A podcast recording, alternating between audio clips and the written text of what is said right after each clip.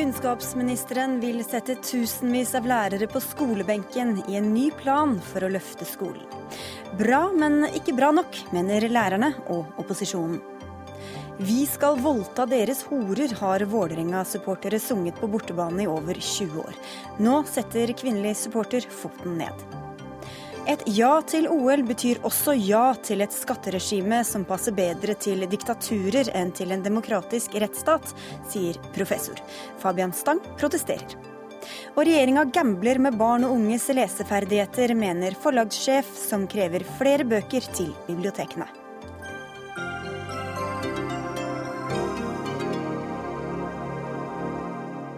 Dette er Dagsnytt 18 i NRK P2 og NRK2. Jeg heter Sigrid Solund. Elevene i den norske skolen skal lære mer. Derfor vil kunnskapsministeren sende tusenvis av lærere tilbake til skolebenken for å utdanne seg videre. Dette er bare ett av tiltakene i Lærerløftet som regjeringa la fram i dag, sammen med høyere karakterkrav for lærerutdanninga, som også gjøres femårig. Men kunnskapsminister Torbjørn Røe Isaksen, hvorfor skal lærere måtte videreutdanne seg uansett hvor de er i karrieren?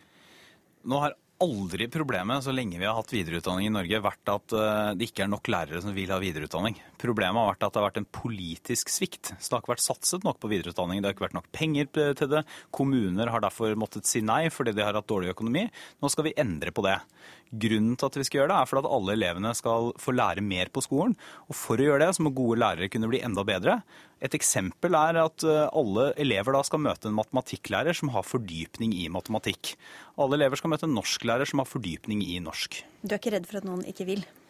Nei, jeg er vel egen Eller det kan godt hende det fins en eller annen et eller annet sted som ikke vil. Fall, men jeg, jeg tror jeg, altså Dette er noe lærerorganisasjonene har etterlyst i mange år. Jeg tror lærere vil ha videreutdanning. Vi, I år så økte vi det med 1500 flere som fikk muligheten. Fortsatt måtte vi si nei. Så her er det mange som ønsker påfyll. Hvordan skal alt dette gjennomføres med alt det det medfører av kartlegging og undersøkelser, studieplasser osv.? Mm. Det, det skal gjennomføres veldig enkelt på to måter. For det første så setter vi dette kompetansekravet så raskt som mulig.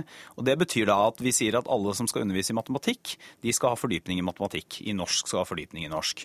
Og så sier vi at uh, kommunene har i dag en adgang til å dispensere, altså si at det, det lager vi et unntak for. Den adgangen kommer vi til å lukke innen ti år. Så kan vi jo ikke bare gjøre det og så dytte all regningen, hele regninga over på kommunene. Da må staten, altså vi, må være med på å betale for det, og det er regjeringa villig til å gjøre. Terje Skyvelstad, du er første nestleder i eh, Utdanningsforbundet, og dere er positive til eh, videreutdanning, men eh, noe sier meg at det kan følge noen lønnskrav med her også, kanskje? Ja, vi er positive til læringsløftet, eller lærerløftet. Det som eh, er viktig for oss å si i denne sammenhengen, er også det at på vei til dette lærerløftet, på vei til kompetanseheving, både master kan være godt, faglig karrierevei kan være godt, etter- og videreutdanning er godt. Men da må vi også sikre at lærerne blir i skolen. Vi må sikre at det er arbeidsforhold som er gode nok. Vi må sikre at lønna er god nok. Vi må sikre at lærerne får lov til å være lærere, nettopp å utføre den jobben som de er satt der for å gjøre. Eh, og det er det det handler om. For Før alt dette kommer i stand fra Torbjørn Røe Isaksen? Ja, på vei dit så må vi sikre at lærerne blir, og at vi rekrutterer unge, nye lærere. Hva skal til da? For at det skal uh, bli en virkelighet, så må det være sånn at, det, at ungdom har lyst til å bli lærere. Og det handler om lønn. Det handler om at lærerne får lov til å være lærere, som jeg sa. Og det handler også om at ikke gruppene må være for store, slik at uh, ikke lærerne får gitt elevene det de skal gi dem. Vi kan høre med deg også, Helge Eide, du er direktør for eh, interessepolitikk i eh, KS, KS altså arbeidsgiverorganisasjonen for eh, skoleeierne. Og dere blir jo sentrale for å få gjennomført disse målene. Hva tror du er sannsynligheten for at det skal gå etter planen? Eh, hvis eh, staten eller kunnskapsministeren og regjeringen og Stortinget legger trykk på det og vilje til det, så tror jeg at dette skal vi eh, få til på en veldig god måte, i samarbeid også med, med lærerorganisasjonen og lærerne. Vi er veldig positive til at denne strategien så tydelig understreker at skal vi gjøre dette, så kan ikke vi bare, bare løfte enkeltlærere, selv om de er veldig viktige medarbeidere. Vi må løfte skolen som organisasjon, vi må styrke skoleledelse, vi må sørge for at skolen kunne bli enda bedre som såkalte kollektive organisasjoner. Altså at det er organisasjonen som, som lærer. Det er en veldig tydelig linje i strategien, og det er vi glad for. Og det skal kommunene selvsagt bidra til at skjer. Og alt dette koster jo penger, ikke bare lønnsutgifter, men sikkert også ganske mange andre poster på budsjettet. Kan du garantere at det kommer penger med til, til alle disse punktene på lærerløftet ditt? Ja, altså dette, dette er jo en forpliktelse som regjeringa tar på seg. Når vi legger nå fram en regjeringsstrategi, så er det, det er ikke bare et dokument med ord. Dette må følges opp i de kommende budsjettene. Og når vi f.eks. sier til kommunene så klart at dere må kartlegge kompetansen hos lærerne deres, så må dere sørge for at eh, alle lærere som f.eks. underviser i matematikk, har fordypning i matematikk, så må det jo også følge penger med. Helt åpenbart. Men er ikke det noe egentlig kommunene skulle ha gjort allerede, da? Jo, Kommunene eh, kartlegger kompetanse allerede i dag. Det er et lovpålagt krav til eh, kommunene. og For alt vi vet så, og kjenner til, så eh, gjøres det også med stort alvor rundt omkring i kommunene. Så er det viktig at når vi snakker om kompetanse, så snakker vi ikke bare om formell studiekompetanse. Vi snakker om reell kompetanse, vi snakker om pedagogisk kompetanse. og Alt det inngår i, i kartleggingen i kommunen, og alt må også inngå når, når behovene for, for, videre utdanning skal, skal, gjennomføres. For Det er nødt til at, at dette må baseres på de faktiske behovene, sånn som kommunene kjenner det. For det er det som gir best resultater for elevene til slutt. Det er altså en veldig stor avstand fra dette forslaget til den kommunale virkeligheten som vi opplever i dag. Elever og lærere de opplever nå stadige kutt i kommunebudsjettene. Derfor så, eh, kan det virke som, nærmest som en illusjon at det er ganske langt frem til de tankene som er, er, er kommet i dag. Så mens vi da venter på det lærerløftet, så tror jeg det er viktig å, å, tenke på det grunnleggende faktisk arbeidet som skal gjøres i skolen, og de pengene som blir stilt til rådighet til dagen nå. Ja, tette, tette, tette, jeg fikk en del spørsmål fra engasjerte lærere på Facebook og Twitter i dag som spurte f.eks. om da videreutdanningsløftet som vi nå trapper opp. Det er et historisk løft. Så spurte de jo, det de sa var dette har vi hørt før, kommer det nye friske penger? Altså det de er redd for at vi skal si nå skal vi utdanne kjempemange lærere. Og så ved neste korsvei så mumler vi at ja, men dette får kommunene ta seg innenfor egne budsjetter og prioritere det. Her kommer det nye, friske midler. Eh, så, så, dette er ikke noe som vi bare dytter over til kommunene. Her skal staten være med på å betale. Når det gjelder femårig masterutdanning, som Utdanningsforbundet har spurt om lenge, så er det selvfølgelig også sånn at det vil koste penger. Det må vi da ta regningen og betale for. Iselin Nybø, du sitter i utdanningskomiteen eh, for Venstre på, på, Stortinget. Hvor godt svar mener du eh, disse punktene er for utfordringene som finnes i skolen i dag? Jeg tror at eh, det er veldig viktig skritt på veien, og Venstre har lenge tatt til orde for et lærerløft. Og faktisk så var det kanskje den aller viktigste grunnen til at vi ønskte å bytte regjering. Så sånn sett så ligger det ganske mye ansvar på, på statsråden her å levere. Og jeg syns det er mye bra i den strategien som er lagt fram i dag, men så er det et par ting som vi føler at det blir Stortinget sin jobb å gjøre enda bedre. Og Det er bl.a. det som går på eh, å gi læreren tid til å få være lærer. For det er klart at eh, en lærer skal fylle opp elevene og undervise elevene. Og Da er det vårt ansvar som politikere å sørge for at eh, man har tid til det. Vi må være tydelige i det som går på byråkrati eh, og kutt på byråkrati. Og Der savner jeg kanskje litt i denne, eh, dette lærerløftet. For selv om man gjerne tenker at man kan konkretisere det senere, så hadde vi sitt for oss at man skulle være tydelige på at f.eks.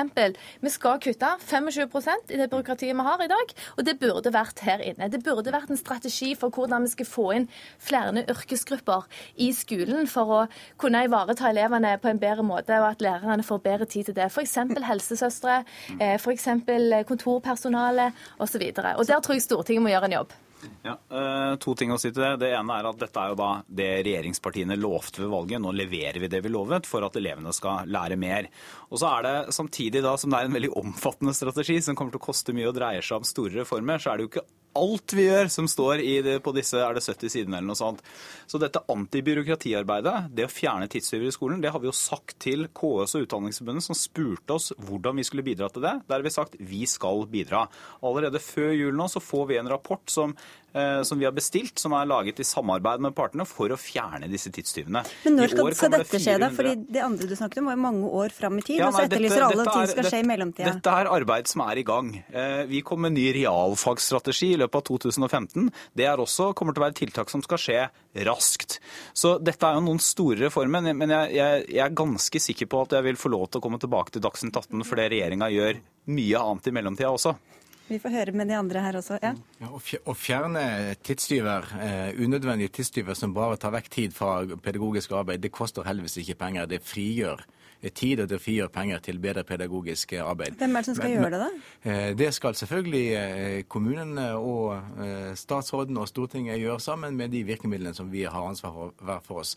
Men det som koster penger, er jo bl.a. det som de veldig mange riktige og viktige tingene som Iselin Nybø her nevnte, med flere yrkesgrupper inn i skolen, flere, flere støttetiltak osv. Da er det viktig for oss å påpeke at det skjer ikke bare gjennom direkte bevilgninger knyttet til lærerløftet, det skjer gjennom grunnfinansieringen av, av kommunene. Og Det opplever nok vi er hovedutfordringen videre. Skal man også få tillit til, til dette løftet, det at grunnfinansieringen er i orden. og Der har Stortinget og regjeringen et kollektivt ansvar for å sikre det. Og da kan ikke lærerne vente i fem eller ti år til Nei, eh, og Det er det som er viktig for meg å si. Eh, vi har nettopp vært gjennom en streik som viste nettopp at nasjonale føringer og lokal handlefrihet alt, ikke alltid passer helt sammen. Så vi er veldig spent på hvordan også denne endringen eh, vil gjennomføres.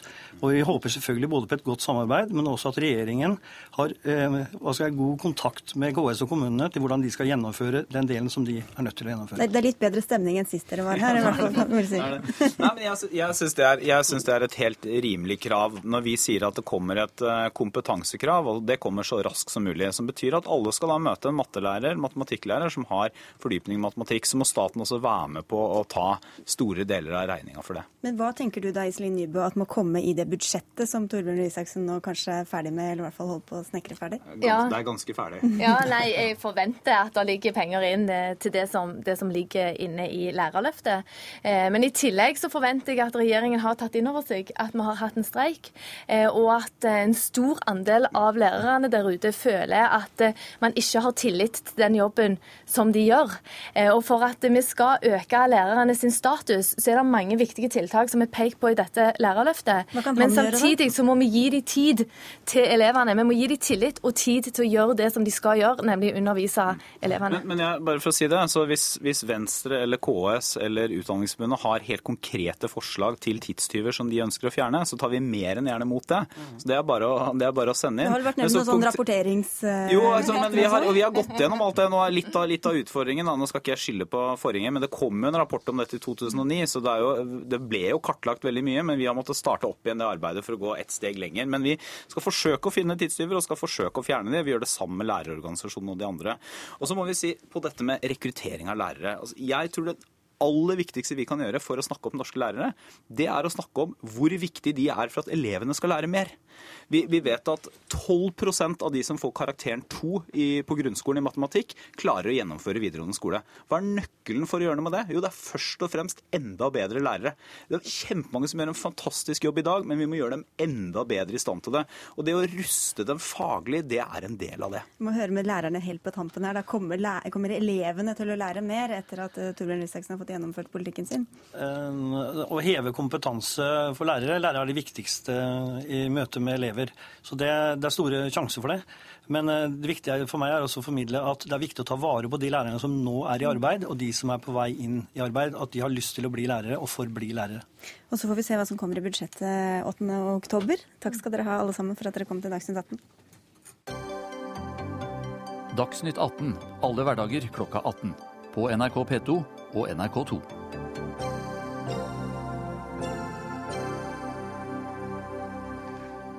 Oslo forplikter seg til å betale all norsk skatt som IOC og avtalepartnerne deres kan bli pålagt i forbindelse med et eventuelt OL i 2022. Det framgår av avtaleutkastet mellom IOC og Oslo kommune. Et skatteregime som passer bedre til diktaturer enn til en demokratisk rettsstat, skriver du i Dagens Næringsliv i dag, Ole Jemsonstad. Du er professor i skatterett ved BI. Hva ved denne kontrakten er det du reagerer på? Altså I dag så har vi allerede mye regler som gjør at idrettsfolk og idrettsarrangementer har veldig gunstige skatteregime. Men eh, det IOC vil gjøre, er å ha helt, helt spesielle fritak og helt spesielle garantiordninger som vi ellers ikke har og kjenner. Vi lever jo tross alt i et system der likhet for loven og ingen skal liksom ha særlige fordeler. Og dette er veldig forskjellig fra det man kan få i noen andre sammenhenger. Og det er slike ting som, som passer bedre i et land hvor man sier at vel, når liksom vi liker deg, vi som har makten, så kan du få særordninger. Hva slags ordning kan det være, f.eks.? Nei, Det er ganske enkelt at de skal ikke betale noe skatt. De skal heller ikke betales noe skatt på en del som har kontrakt med dem. Altså vil si at for å kunne gjennomføre OL, som er i samsvar med denne kontrakten, så må Norge vedta egne lover, som Finansdepartementet må foreslå, for at dette skal kunne gjennomføres. Og det, det er jo veldig annerledes at uh, du må ha egne lover for at uh, du skal kunne gjennomføre noe, fordi du skal ha så spesielle skattefordeler som ikke andre har. Og så har du i tillegg dette at uh, stakkars Oslo kommune de må da garantere at vel skulle likevel bli noe skatt som IOC må betale, eller noen av disse som samarbeider med IOC, så skal Oslo kommune, dvs. Si vi som sitter her, altså skattebetalere, dekke opp dette. Og jeg tror det er svært vanskelig å regne på slags, hvor store skattefordeler her det er tale om. Ja, hva synes du om den uh, mulige avtalen, Fabian Stang, du er ordfører i Oslo og ivrer for et OL her i byen? Det er mange argumenter eh, mot et eh, OL i Norge og i Oslo i særdeleshet. Man kan si at man ikke har tillit til kvalitetssikrerne som staten har satt inn. Man kan si at det ville blitt mer spektakulært i Tromsø og sånt noe. Men skatt er faktisk ikke et reelt argument. Eh, fordi eh, IOC vil jo i denne sammenheng være en netto bidragsyter som betaler inn ca. 4 milliarder kroner. Og så tror jeg nok eh, Jens Sonstad har rett i at dette er en avtale som er beregnet på diktaturstater. Eh, fordi at der er nok IOC litt usikre på, på, hvordan skatteregimet er. Men i Norge så er vi i den situasjonen at vi har eh, skatteavtaler med, med de fleste land i verden. Sånn at hvis en inntekt oppstår ett sted, så avtaler vi om det skal skattlegges der eller om det skal skattlegges her, og ingen skal dobbeltbeskattes. Og Dette er nok et utslag av at man ønsker å sikre seg mot dobbeltbeskatning. Så du tror ikke det kommer til å få noen konsekvenser, denne avtalen? Nei, men den får en konsekvens fordi at eh, folk blir usikre. Til og med Eh, professor Jens Onstad har jo nå blitt usikker, og det sier meg at selv om dette ikke er et reelt problem, så er det et følelsesmessig problem. Sånn at vi skal ha folk nedover til eh, IOC i neste uke. Og da vil vi eh, si at dette, denne passusen i avtalen bør ut. Ikke fordi det har noen reell konsekvens, men fordi det følelsesmessig er uheldig. Har du latt følelsene ta overhånd, Jens Onstad? Jeg tror det er svært lite uh, av det her. Altså, dette er jo en relativt klar avtale i den forstand at den sier uttrykkelig at det skal ikke pålegges skatter. Hvis det likevel skulle pålegges skatter, så skal liksom uh, kommunen dekke dette. De fire milliardene skjønner jeg ikke hvor de kommer fra. og og Jeg syns ikke avtalen er spesielt vanskelig i den forstand at, at, den er klar på dette. Og dette var noe som jeg ble gjort oppmerksom på for noen år siden på en sånn internasjonal skattekonferanse av en kollega. At det var denne type avtaler IOC begynte å presse frem. Fordi de hadde jo så mye makt. fordi Spørsmålet var jo vel, hvis du vil ha olympiade, så undertegn her. Og, og, og det, det, Dette er eksepsjonelt, og det har fått oppmerksomhet. Og, og, det er altså IOC, og så er det samtidig, så vidt jeg skjønner, fotball-VM som er i en sånn stilling at de kan presse frem slike arrangementer. Men det, det er ikke en uklar avtale når det gjelder at IOC skal ha eksepsjonelle skattefordeler.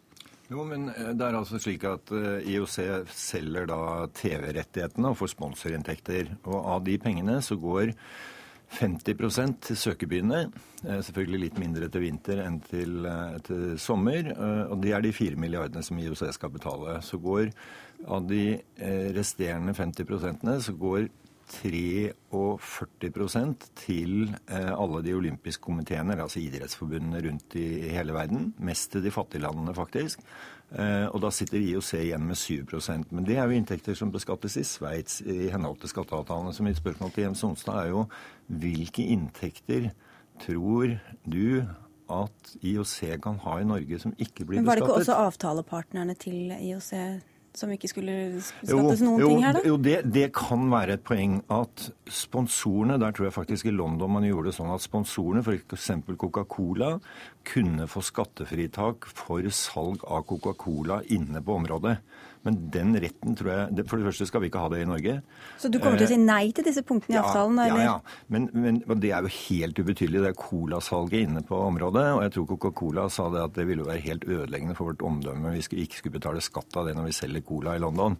Eh, og det skal vi beskatte i Norge også. Alle de som skal jobbe med dette, skal betale skatt i Norge, hvis ikke de da er inne på veldig korte kontrakter, på samme måte som vi nordmenn er ute og jobber uten å betale skatt der vi eh, er ansatt i en kort periode. Du anklager eh, ja-folka for å manipulere i kronikken din i dag, Jens Sonstad? Altså, jeg bruker ikke uttrykket manipulere, men det jeg sier at denne avtalen er klart en avtale som gir privilegier vi ikke er vant til. Hvis det er slik at dette ikke var et problem, så vil man klart ikke legge frem en slik avtale som er så belastende. Det har også tatt noe tid før den har kommet frem liksom, uh, i dagen at det er så kraftige fordeler det er snakk om. Så, så altså, hvis det ikke her hadde vært store beløp det er snakk om, men det er store beløp det er snakk om. Og det er også slik at denne garantien for Oslo kommune, som jo Fabian Stang i dag uttalte medførte usikkerhet, altså hvor mye penger det er snakk om, det vet man ikke, og det skal man liksom regne på. slik at det er eksepsjonelle skattefordeler. Det er et regime vi ellers ikke kjenner. Og, og, og, det er altså noe som egentlig burde være oss veldig fremmed. Men bare for å klargjøre helt, av Fabian Stang, du kommer til å si nei til alle særordninger for IOC når det gjelder skattesystemet? Ja, eh, altså eh, det er på en måte ikke noen inntekter som, som, ikke beskattes. Eh, men IOC har lagt inn dette i standardkontrakten fordi de er ute for andre typer samfunn enn det norske. Men den kontrakten kommer ikke du til å skrive under på? sånn som Nei, det, det er vi nødt til å fjerne. Selv om det ikke vil ha noen reell virkning i Norge, så, så skaper det usikkerhet, sånn som hos Jens Onsdag. Da må vi sørge for at det blir tatt ut, sånn at, at ingen er i tvil om at alt av arbeid det, altså det, Igjen er spørsmålet mitt hva er det du tror ikke skulle bli beskattet? Jens Sonstad? Det er jo altså mange ting her. Det er masse betalinger allerede til altså En ting som jeg aldri hadde sett uh, før, var at du her skal få skattefritak også for de medieorganisasjonene og deres medarbeidere som oppholder seg i Norge lenger enn man vanligvis gjør uten å bli skattepliktig hit. Fordi man da har en avtale er autorisert fra IOC. slik at altså her, det er ingen grunn til å vedta så omfattende fritak hvis det ikke er pengebeløp her det er snakk om. Og, og det er ikke noen grunn til å si at liksom argumentene mot ikke holder fordi en person ikke er så godt inne i de tekniske regnskapene rundt, rundt IOC og olympiske arrangementer. Altså det er helt klart, det er en eksepsjonell fritaks, om, omfattende fritak det er snakk om. Jeg syns det har vært fantastisk hvis Fabian Stang virkelig klarer å si til IOC dette vil vi ikke ha, for dette IOC har klart å presse frem de senere årene. Så jeg syns det, det ville vært veldig morsomt hvis det er slik at altså, det skal du gjøre deg, skjønner. Ja, ja, fordi at, fordi at vi, vi, skal ha For det første skal vi ha et nedskalert OL. Vi skal vise at det går an å lage et OL på, på normal måte. Og så skal vi ikke ha noe av den type ting. Og det er mye snakk om pamper og champagne og kaviar. Altså hvis Eh, IOC-medlemmene kommer hit, så skal de betale for hotellet sitt, og det skal momses og alt mulig rart. De kan få fradrag på moms hvis de kjøper noen varer på lik linje med alle andre turister, men utover det skal IOC ikke ha noe skattefordel.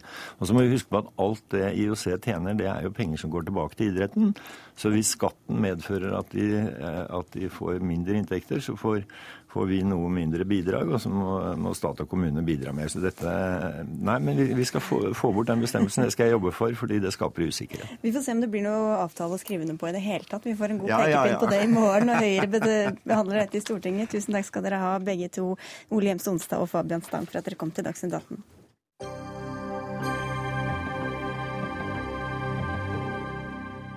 hvor vi snart spør om det er eh, humor eller sjikane å synge om voldtekt og horer under norske fotballkamper. Men før det. Mange flyktninger med lovlig opphold i Norge får ikke identitetspapirer, og møter store hindringer i det norske samfunnet pga. det. Denne gruppa mennesker bør få personnummer på lik linje med nordmenn som blir født her, skriver du i en eh, kommentar i Aftenposten i dag. Inger Marie Sunde, du er førsteamanuensis ved Politihøgskolen. Ehm, hvis du først kan si, hvilke problemer støter denne gruppa på i dag? Slik jeg har oppfattet problemet, så snakker vi om eh, bortimot 3000 eh, personer med godkjent flyktningstatus, altså en rett til å oppholde seg i Norge som ikke kommer i gang med livene sine her fordi at de ikke har en gyldig identitet. Eh, de kommer fra områder hvor man da ikke har så lett for å få, få med seg gyldige identitetspapirer av ulike årsaker. Men i Norge så er det nødvendig med en gyldig identitet for å få åpnet en bankkonto, få tatt opp studielån, få tatt seg en hvit jobb, for å si det sånn. Mm. Jeg har brakt på det rene at selv rengjøringsbyråer krever eh, gyldig identitet, så du får deg ikke engang en vaskejobb.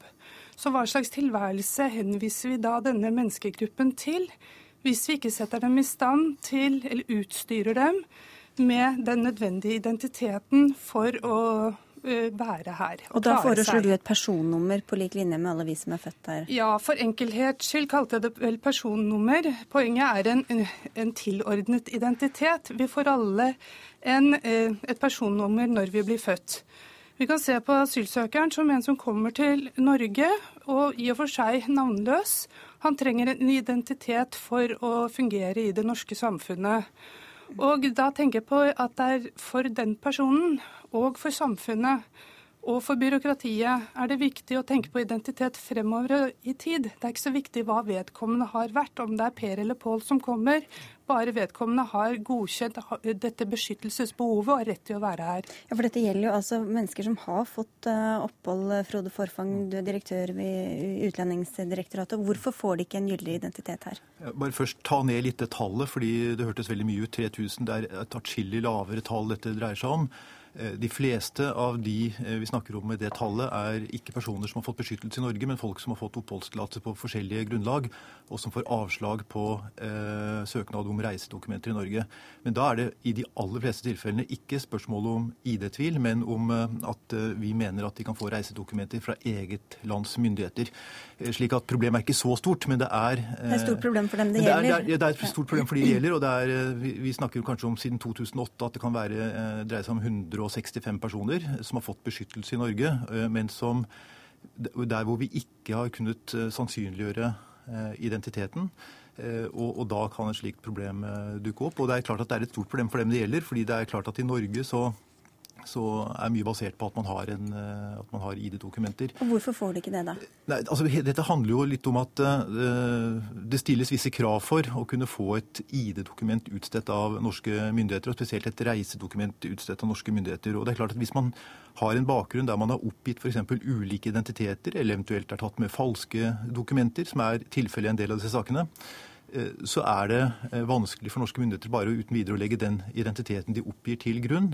Eh, og da kommer vi i en situasjon hvor det i noen få tilfeller er slik at de kan ha et beskyttelsesbehov. I de fleste tilfeller får de avslag hvis de ikke kan dokumentere identitet. Men de får altså beskyttelsesvedtak.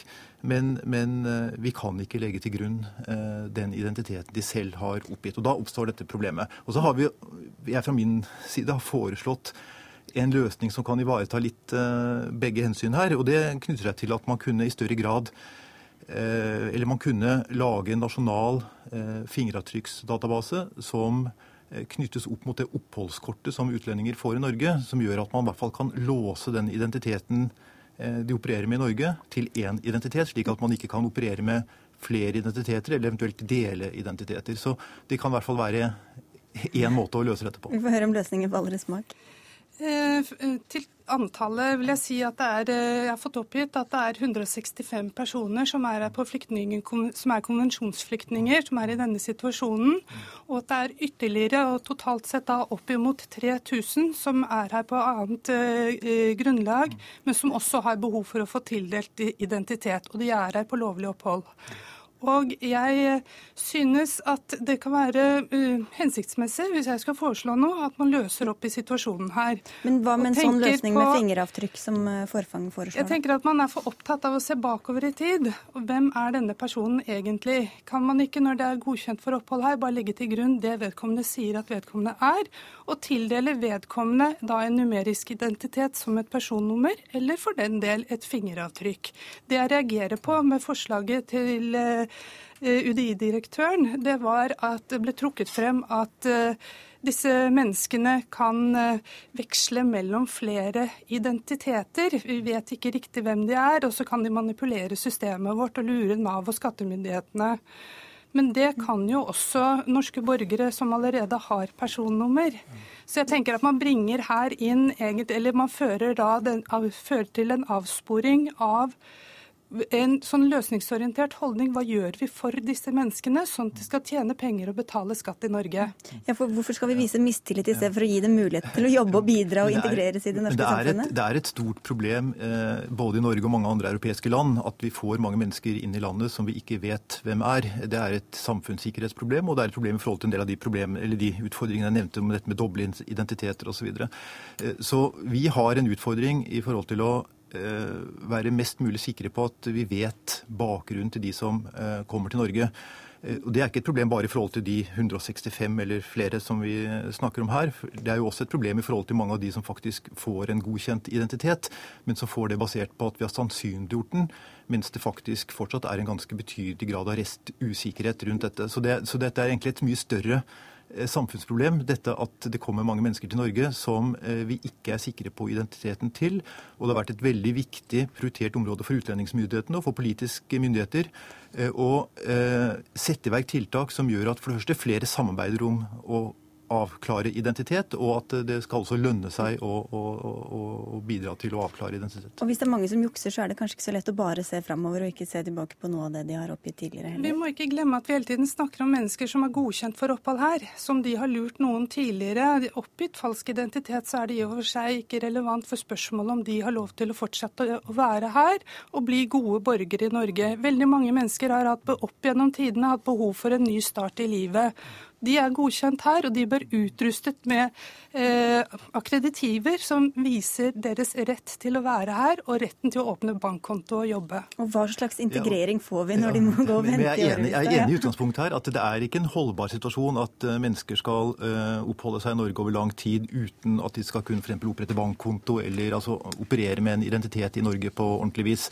Eh, og Derfor har jeg også foreslått at dette kan kompenseres Eh, hvis vi eh, får en nasjonal fingeravtrykkdatabase for eh, disse det her gjelder, eller for personer som kommer fra land utenfor Europa og som får oppholdskort til Norge.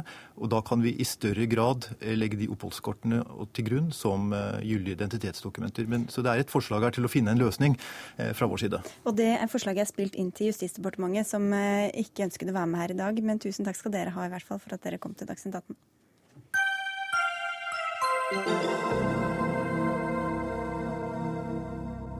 Hvor går grensa for hva fotballsupportere kan synge av sjikanerende sanger? For Vålerenga-tilhenger Mina Finstad Berg ble det i overkant da 'Vi skal voldta deres horer' ljomet gjennom supporterbussen på vei til Åråsen i august. Og dette skriver du om i bloggposten med hilsen fra en tribunehore på nettstedet Madam Mina Finstad Berg. Du er altså feminist og fotballsupporter, som vi antagelig har skjønt allerede. Hva fikk begeret til å renne over for deg? Nei, For meg så var det egentlig mange episoder etter hverandre. Eh, det å stå på Ullevål og høre folk rope at alle damer er horer rett bak meg. Eh, og så den situasjonen på Åråsen hvor den sangen gikk på repeat på tribuna. Og jeg kjente at nå er det ikke gøy lenger. Nå er det rett og slett ubehagelig å stå der fordi jeg står omgitt av en gjeng menn som synger at de skal voldta horer. Hvordan eh, opplever du at hets mot kvinner blir behandlet annerledes enn hets mot f.eks. minoriteter eller homofile på tribunen? Eh, det jeg opplever, er ofte en ganske sterk internjustis når det kommer til eh, rasistiske bemerkninger, f.eks. Eh, men at den er mye mer fraværende når det kommer til rop som 'Hvem er den hora med flagget?' mot kvinnelige linjedommer og den type ting. Og at den liksom, internjustisen gjelder i mye større grad på, på rasisme f.eks. enn det de gjør på å synge om horer og synge om voldtekt. Hanne Mari Jorsmyr, du sitter i styret i Norsk supporterallianse og er Vålerenga-supporter eh, selv også. Hva syns du om denne sangen? Eh, akkurat denne sangen velger jeg å ikke synge på, på tribunen faktisk. Eh, ellers så syns jeg jo at vi skal ha en eh, stor takhøyde på fotballtribunen. Det er mye kultur som blir lagt igjen på utsida av stadion. Eh, jeg syns ikke dermed det er riktig at vi skal være diskriminerende, og jeg er nok enig med Mina i mye av det hun sier. Men jeg velger å gå på stadion allikevel og støtte laget mitt. Jeg eh, uteblir ikke fra fotballkamp pga. at det blir sunget den type sanger. Vi i Norsk supporterallianse har hatt dette på agendaen ganske lenge, å drive holdningsskapende endringsarbeid i forhold til diskriminering. Vi har fått det til med Gi rasisme rødt kort, som fotballsupportere, som fotballklubber. Eh, vi er også på god vei til å få det til når det gjelder homohets. Og jeg tror vi må bruke de samme metodene når det gjelder eh, kvinnediskriminerende og kvinnefiendtlige holdninger. Altså dukke opp og så ikke være med å synge, eller hva skal man gjøre? Nei, jeg tenker på at vi skal jobbe langsiktig med holdninger i, i foraer. At når det koker på tribunen, er ikke det riktige stedet å gjøre det på. Eh, klanen, som da er min supportergjeng, de gjør det ganske effektivt. Hvis, de kom, hvis det kommer uønska sanger, så blir de kvært med en ny sang. Eh, det er der og da nødhjelp, men eh, ellers så er jeg mer for å jobbe langsiktig. Er det som du opplever det også, Finstadberg? Altså, en del ting tror jeg blir på en måte hvert av andre sanger, men sånn som den sangen som jeg refererer til, er jo en, en ganske kjent sang som synges mye på Ullevål. Og jeg vil bare ha klart at Det er ikke det at jeg ikke tåler banning på tribunene, at jeg ikke tåler høy temperatur på tribunene. Men jeg synes akkurat det med voldtekt er veldig sårt for veldig mange. Fordi sjansen for at ingen av kvinnene på tribunene har en eller annen form for personlig erfaring med voldtekt, er veldig liten. Eh, og det er klart at det kan trigge en del følelser og minner som er veldig vonde, og det mener jeg er potensielt ekskluderende. Men Du sier at du ikke synger med, men eh, har dere sagt at det er ikke greit å synge den sangen der, da? Ja, det har vi prøvd å si. Eh, vi møter veldig forskjellige holdninger da, men da skal jeg jo uttale meg på vegne av tredjeperson, så jeg vet ikke om det er det riktige å gjøre når jeg sitter i et radiostudio. Eh, jeg, jeg føler personlig at det ikke er riktig for meg å synge med på den sangen, ja. Vi møter veldig mange forskjellige meninger om dette her. Noen er veldig likegyldige, og ingen av dem ville jo funnet på å gå ut av stadion og gjøre det de synger. Eh, er det de gjemmer seg bak. Men jeg syns jo at denne, denne, konkrete sangen som det blir henstilt på her, bare bør ekskluderes. Men eh, det er ikke der problemet ligger med den ene sangen. Problemet ligger i supporterkulturen. Vi kan høre, fordi dette gjelder sikkert ikke bare klanen. Eh, Kai Erik Arstad, du er assisterende generalsekretær i Norges Fotballforbund. Hva synes du om en sånn sang og om roping om horer og voldtekt på en tribune? Nei, Først og fremst må jeg jo si at det, på vegne av norsk fotball så har jeg faktisk lyst til å beklage at Mina opplever den type ting på en tribune, eh, på en arena som vi er ansvarlig for. Eh, vi kan faktisk også takke henne for at det igjen blir satt fokus eh, på denne problemstillinga gjennom eh, bloggen hennes. Den type ukvemsord som blir referert til her, med voldtekt og hore og alt mulig, er overhodet ikke ønskelig. Det tar vi fullstendig eh, avstand på. En fotballkamp skal være en arena der både små og store kvinner og barn skal ha det gøy. Det skal være høyt under eh, tribunetaket, det er vi veldig enig med supporteralliansen, men de må holde seg for gode til å dra denne type ekstreme eh, ytterligheter av kommentarer. Og så har jeg bare lyst til å si en ting til. at hva vi syns om det for til supporterne. Vi må ikke glemme at eh, det, vi må ikke generalisere alle supportermiljøene. Vi ønsker stemningen på tribunen. Det liveopplevelsen med å gå på fotballkamp er ekstremt viktig. Og her gjør supporterne en fantastisk jobb med å støtte sitt lag, med å skape den opplevelsen som vi alle har så lyst til å gå på kamp for å få. Så det er små grupperinger, små problem, men ikke desto viktigere å ta dette alvorlig og få bli kvitt det en gang for alle. Jeg, synes, eh, jeg er enig med veldig mye av det du sier, men det som er viktig for meg å undersøke, er at dette er for det første ikke et, et liksom Vålerenga-eksklusivt problem. Eh, jeg tror det er et problem med en supportersjargong. Uh, hvor man plutselig har lov til å si alt fordi man er på ei tribune. Og sånn at Jeg er glad i, i grove utskjellinger og god stemning, men når jeg for eksempel får nå høre historier om, om, folk som har gått forbi en gjeng LSK-supportere her om dagen, som hadde stått og lada opp til kamp og, og rope i takt at voldtekt er den beste sex, så vitner jo det om noen holdninger som plutselig er greit å si i fotballsammenheng, som ikke vil være greit i noen andre sammenhenger. Eh, så er den supportersjargongen som jeg tror vi må se litt på. Se hva er innafor og gøy, og hva kan være ekskluderende. Hvis vi ønsker at flere folk skal bli inkludert i fotballen og komme på kamp.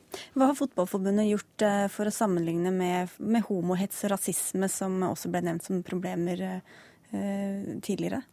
Altså, vi, vi, må jo jobbe med, som egentlig begge disse to meddebattantene allerede har sagt, det langsiktige, holdningsskapende arbeidet. Hver gang vi får en anledning til å gå ut og si at dette overhodet ikke er akseptert, så eh, må vi være veldig tydelige på hva, hvilken oppførsel vi ønsker på norske fotballtribuner.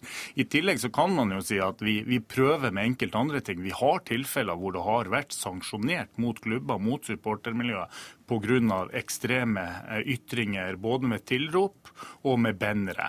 Eh, vi har i tillegg en delegat på hver eneste toppfotballkamp i Norge som rapporterer eh, status, både bane og, og ting rundt. Og Det er en del av faktisk fair play-scoren i norsk fotball. Så hvis det er klubber som har eh, ekstreme hendelser i denne greien, så vil det også slå ut på deres fair play-score. Mm. Så eh, vi føler at vi gjør litt, men det er det holdningsskapende arbeidet som er det aller viktigste. Ja, men Hva tror du om å, om å få rett og slett bot, f.eks. hvis du roper hore eller andre ukvemsord på, på en tribune? Jeg tror det blir veldig vanskelig å iverksette, og jeg er definitivt ikke enig i at sanksjoner er den rette veien å gå. Eh, jeg tror også det med det langsiktige holdningsskapende arbeidet er viktigst.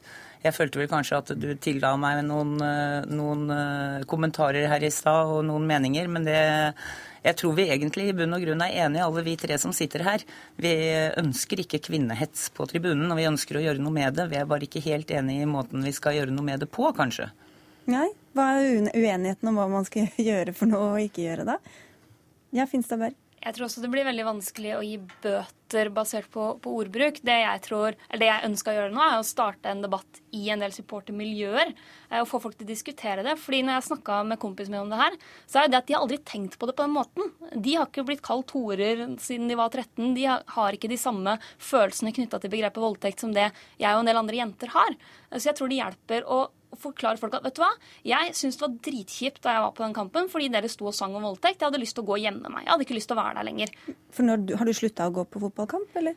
Bortsett fra landskamp mot Italia, så har jeg ikke vært på kamp siden den kampen på Åråsen. Eh, fordi det blei for ubehagelig. Så får vi se om jeg vender tilbake igjen etter hvert. Hva syns du om det fra Fotballforbundets side? Det er jo ekstremt trist å høre at hun eh, ikke eh, går på tippeligakamper eller andre fotballkamper som en konsekvens av dette. Vi får jo bare håpe at hun raskest mulig drar tilbake på en tippeligakamp og får gode opplevelser uten disse ukvemsordene. Og igjen, det er det holdningsskapende. Jeg mente overhodet ikke at vi skulle begynne å bøtelegge den type utsagn. Det hadde vært ekstremt eksempler, men da er det helt ekstremt. Så det er holdningsskapende, og hun er veldig velkommen på Ullevål, og gjerne på neste kamp i, mot Bulgaria. Eh, Kommer billetter i posten, da, eller? Absolutt. Vi får la det være en hyggelig avslutning, da. Takk skal dere ha i hvert fall for at dere kom alle sammen. Mina Finstadberg, Hanne Mari Jorsmyr og Karl Erik Arstad. Hør Dagsnytt 18 når du vil. Radio NRK.no.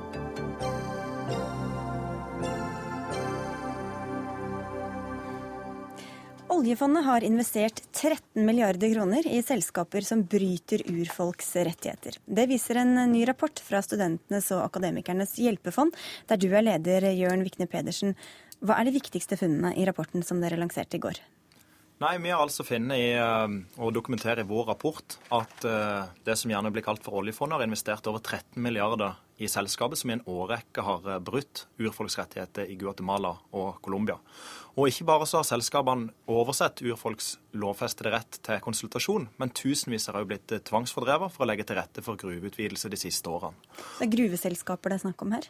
Ja, og Rapporten avdekker at de som engasjerer seg mot gruvedriften, opplever vold, trusler og forfølgelse. Så vi har eh, noen krav. Blant annet så krever vi at Norges Bank trekker seg fra de fire selskapene som er omtalt i rapporten, ettersom disse har vist eh, system, systematisk har brutt urfolks rettigheter i en årrekke og vist liten vilje til å endre kurs. Og for det andre så ønsker vi at Norges Bank utarbeider en aktiv eierskapsstrategi, hvor en stiller tydelige krav til selskapene en investerer i, og at disse skal respektere urfolk sine rettigheter. Så dette er altså noe oljefondet investerer i på vegne av det norske folk? Ja. Heidi Nordby Lunde, du sitter i finanskomiteen for Høyre på Stortinget. Hva synes du om disse funnene? Jeg synes dette er alvorlige uh, funn. Når det er sagt, så, så er det antageligvis ingen fond uh, med tilnærmelsesvis uh, stor lik størrelse som har et sterkere etisk mandat enn det det norske oljefondet har. Og det synes jeg at vi kan være stolte av. Men det betyr ikke at vi ikke kan bli bedre. Og, og tro det eller ei, så er jeg da derfor faktisk begeistra for den jobben som, som Studentenes og Akademikernes internasjonale hjelpefond har gjort, og støtter den type arbeid. for det er utrolig viktig del av det jeg kaller checks and balances som vi har behov for i demokratiet. Sånn at vi som politikere kan gjøre jobben vår bedre, og også stille eh, strenge krav til både norske bedrifter, men også norske investeringer i utlandet. Men nå sier han altså at vi bør trekke oss ut av disse selskapene. Hva syns du om det? Eh, der tenker jeg at eh, vi må gå inn og se på hva selskapene gjør. Nå er dette 13 milliarder av til sammen 5500 eh, milliarder som oljefondet har investert. Og, og oljefondet har en eierskapsutøvelse som har seks strategiske satsingsområder, og som de ser på. Urfolks rettigheter er ikke nevnt blant en av de fokusområdene. Men klimaendringer og vannforvaltning er, er to av de, de, områdene. Og det er helt klart at denne rapporten peker jo på at det er to områder som er ekstremt problematisk med de selskapene som de har investert i i dette området. Så betyr, det betyr at du ikke mener at man automatisk skal trekke seg ut av disse selskapene, da? Av og til så kan det være slik at hvis man er uenig eh, i, i, noe, så bør man bli for å prøve å påvirke til det bedre. Og vi har sett at det norske oljefondet har klart å få til gode endringer, bl.a. med fokus på barns rettigheter og barnearbeid i andre selskaper. Eh, men andre gang kan uttrekk være et helt riktig virkemiddel. Eh, hva som er riktig virkemiddel for disse selskapene, det skal jeg ikke svare på. Men at vi bør se på det? Ja, helt klart. Nei, dette syns jeg er veldig positive signaler fra Heidi Nordby Lunde her.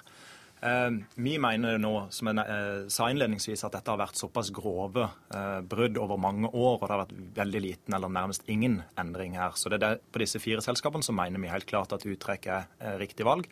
Men det som er kanskje enda viktigere, er det som jeg nevner med en aktiv eierskapsstrategi.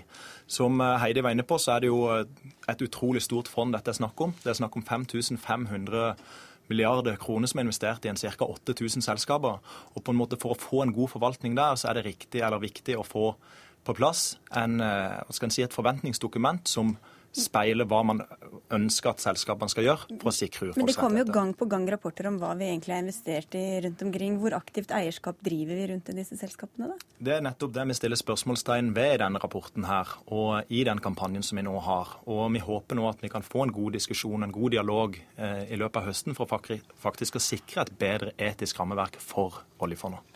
Jeg kjenner til at oljefondet har eh, publisert mange rapporter, og du kan lese en rapport om dagen eh, om man vil, om de, hvilke forventninger de har til, eh, til enkeltselskaper og til, til, segmenter i markedet. Men er det noen av selskapene som bryr seg da, om de rapportene? Eller? Det er det helt klart, for vi ser jo at de har fått til resultater. Og en del av virkemiddelkassen deres er jo ikke, er jo ikke bare det å trekke seg ut, men det er å være i dialog med selskapene. Det er under stemmegivning i, i investorforsamlingen. Det er å jobbe med andre investorgrupper for å bevege det markedet videre.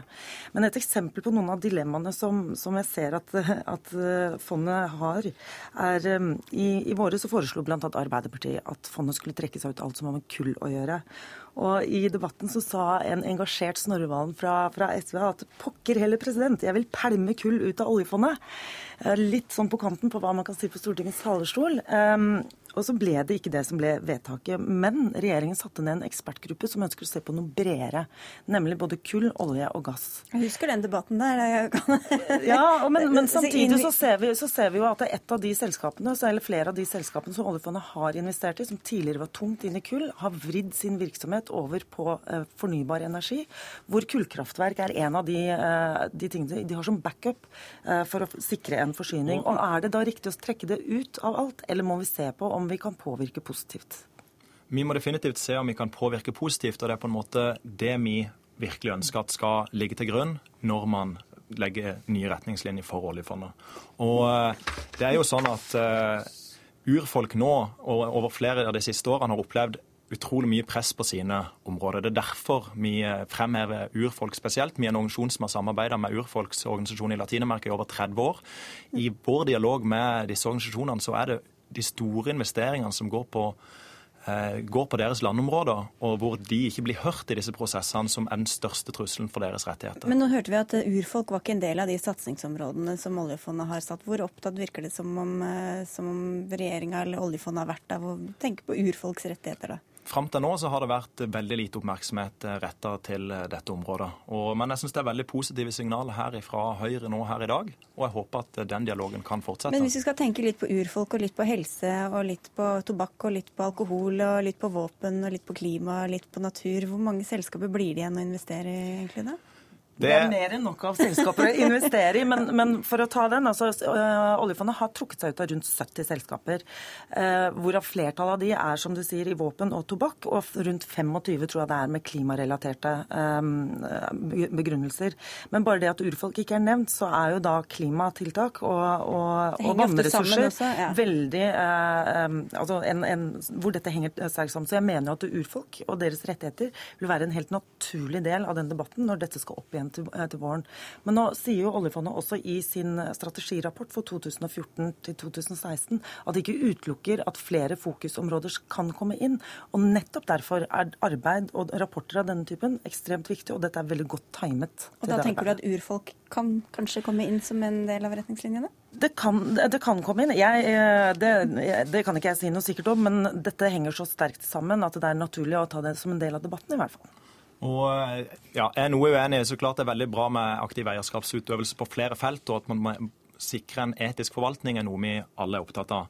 Så er det på en måte hvilke veivalg man skal ta for å gjøre det. Men når det gjelder urfolksrettigheter, så mener vi at vi dokumenterer godt i den rapporten hvorfor det er viktig med å få en særegen eierskapsstrategi på dette området. Altså, Da holder det ikke bare å si vær, så, vær litt greiere mot urfolkene? Liksom. Ikke, og det er ikke nødvendigvis snakk om å selge seg ut her. Altså, det handler om å bruke stemmeretten i uh, selskapene aktivt. Det handler om å ha en god dialog på, med selskapene, og det handler om å være klar i sine forventninger til hva eller hvordan selskapene skal jobbe i urfolksterritorier.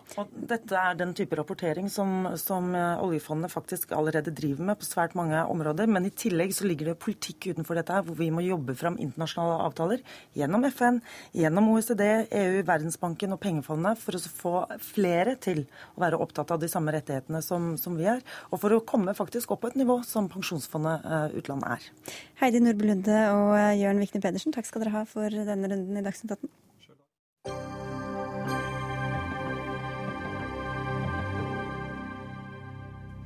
Kutt i innkjøpsordninga til bibliotekene er å gamble med framtida. Det kan vi lese i en kronikk i Dagens Næringsliv. I vår kutta regjeringa i pengestøtten som bibliotekene får til å kjøpe inn bøker. Og nå foreslår Kulturrådet at det skal kjøpes inn færre eksemplarer av hver bok.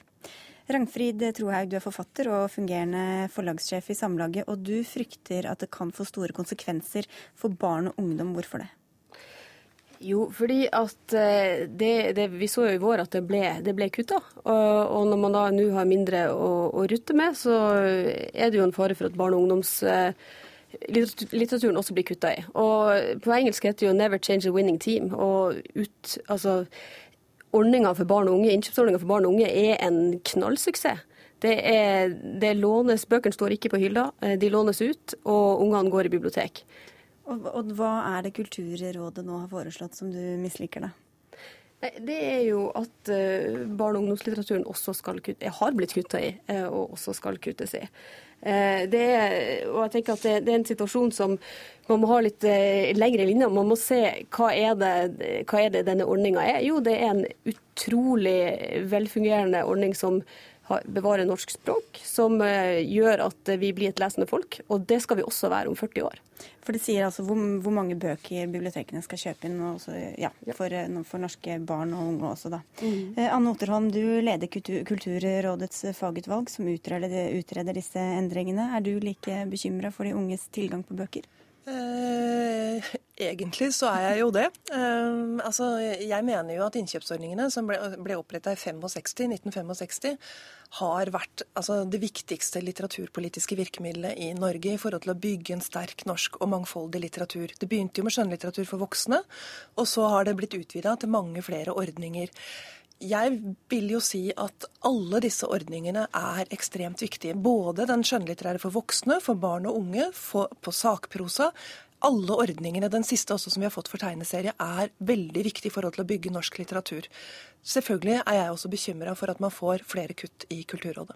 Men hvordan har dere da tenkt når dere skulle finne konsekvensene av de kuttene, og hvem som skulle lide under det? Mm. Vi har hatt en gjennomgang eh, så langt. Vi skal ha en gjennomgang av alle litteraturstøtteordningene i Kulturrådet. Men vi har eh, begynt på de to største innkjøpsordningene. Det er eh, skjønnlitteratur for barn og unge og skjønnlitteratur for voksne. Så har vi sett på hva har skjedd siden 65. Har det skjedd noen endringer i dette samfunnet? Ja, åpenbart. Og så jobber vi for å, for å, på en måte sørge for at de her ordningene skal fungere i forhold til den situasjonen som de er i nå. Vi har ikke konkludert i forhold til hvilke ordningene som eventuelt må uh, få kjøpt inn færre eksemplarer. Vi har ikke konkludert med at man skal kjøpe inn færre eksemplarer i barne- og ungdomsordningen. Det konkluderer vi med i desember, men veldig mye handler om 8. oktober. Ja, og budsjettet, da, for dem som ikke har fått med seg det. Da kommer budsjett, statsbudsjettet for neste år. Eh, tror jeg, Hvorfor er antall bøker på bibliotekene så viktig for eh, barn og unge? Det er viktig tilgang, altså at det er så mange som mulig som har tilgang på disse bøkene. Og de endringene som Oterholm eh, snakker om som har skjedd siden 65, det er jo rett og slett eh, antallet folkebibliotek. Men for barn og unge så stiller det seg ganske annerledes, fordi at det er også skolebibliotek vi snakker om. Disse bøkene som kommer fra Kulturrådet skal også ut på skolene, der alle ungene er. Så det å ha eh, bøker ut i barne- og ungdomsordninga, det er et av de beste tiltakene vi kan ha for å få et, et lesende folk. Og, det er jo faktisk sånn at eh, det var 8,98 utlån per barn i 2013, og når det gjaldt voksne, så var det 2,05. Så barn låner definitivt mest bøker. Og der bibliotekarene Det de etterspør, er jo flere bøker. Flere eksemplar av eh, bøker på hyllene for barn og unge. Vi har vært i kontakt med Kulturdepartementet i dag også, som ikke ønsker å snakke med oss. De henviser til dere i Kulturrådet. Men hva skal Kulturrådet gjøre når ikke de har mer penger å rutte med? Dette her er jo noe som, eh, som, jeg håper at eh, man både ser på i Stortinget, og også ser på innad altså ser på både Kulturdepartementet og Kunnskapsdepartementet. For dette er språkpolitikk, og det er Men Hvis ikke det kommer med penger, da, hva skal de gjøre da, når de skal prioritere? Ja, det er jo en det, ubehagelig jobb som de må øh, finne ut sjøl. Men jeg tenker at disse pengene, de, de, de må på bordet. Men hva, hvorfor ikke skjerme barna, da? Hvis det er, altså, voksne har jo som regel råd til å kjøpe seg en bok. Vi skjermer jo til dels. Vi, kom, vi, kom, vi har jo liksom ingen planer om at altså, det kjøpes inn nå 1550 ca. bøker på, for hver tittel av barne og ungdom, og 1000 av de voksne. Vi kommer ikke til å, å kutte på samme altså vi kommer kommer ikke til å kutte de 550 som går til skolebibliotek. Vi kommer ikke til å kutte liksom sånn at alt skal være likt på barne og, og, ungdom og voksne. Det kommer vi ikke til. Og som jeg har sagt, så er, altså den diskusjonen er ikke ferdig. Det kan hende at, uh, at det blir vekta ulikt. Men jeg tror jo da at uh, den voksen, uh, altså ordningen for de voksne, den skjønnlitteraturen for voksne, er også veldig viktig. Og det handler ikke bare om å være etterspørselsstyrt. Man er nødt til, man skal bygge norsk litteratur, man skal skape et mangfold i den og en, en bredde i den også. Jeg tror ikke Norge er tjent med at vi eh, raserer hele voksenbokordningen heller. Overhodet ikke. Eh, men eh, vi må sikre oss et skikkelig godt fundament på de unge leserne for å også ha voksne lesere i framtida. Men du er også ekstra, ekstra bekymra for eh, nynorskleserne. Ikke så unaturlig ettersom du er samlagsredaktør. Men... Ja. Ja, og det er jo fordi at jeg syns at koblinga mellom språk, kultur og litteraturpolitikk Eh, kan synes som, som litt ganske svak. Da. At man må se at språkpolitikken er faktisk en viktig del av, av denne ordninga. Og det gjør at man f.eks. må sørge for at det, at det finnes lettlest lettlestbøker på, på nynorsk f.eks. i bibliotek, eh, for at språkene også skal bevares. Hvor mange sørger Kulturrådet for å få inn i den gruppa da, i nynorskbøker for unge? Altså, Lettlestbøker er jo noe som, som man burde skjele til spesielt på innkjøpsordninga. og det er jo noe jeg håper de gjør. Eh, ja. 8. oktober er en skjebnedag for mange rundt her i landet. Hva gjør dere hvis ikke det kommer mer ekstra på bordet da? Jeg vil jo si at, det, at det, de, den gjennomgangen som vi har hatt så langt altså vi, Ordningene kommer til å bli bedre på mange områder. De kommer til, altså Mye av det vi har gjort, er riktig og viktig, de endringene vi innfører. Men det kan hende at det er noen endringer som ikke er til det gode for norsk språk og norsk litteratur. Hvis det kommer kutt i budsjettene, så mener jo jeg at det er det ikke. Det er det ikke. Men det, vi får på en måte diskutere det da, hvilke prioriteringer vi skal gjøre, og om det er mulig å gjøre de prioriteringene i det hele tatt. Og du har i hvert fall et klart råd? Absolutt. Pass på den unge leseren. Vi får si eh, takk for at dere kom til Dagsnytt 18.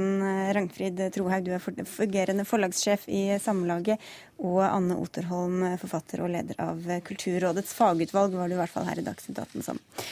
Denne sendinga er over for i dag. Det var Berit Ytrehus som hadde ansvaret for den. Oda Holm Gulbrandsen var eh, skript. Det var Lisbeth Sellereite som hadde det tekniske ansvaret. Jeg heter Sigrid Solund, og vi høres igjen i morgen klokka 18. Ellers kan du gå inn på radio.nrk.no for å høre Dagsnytt 18 om igjen når du vil.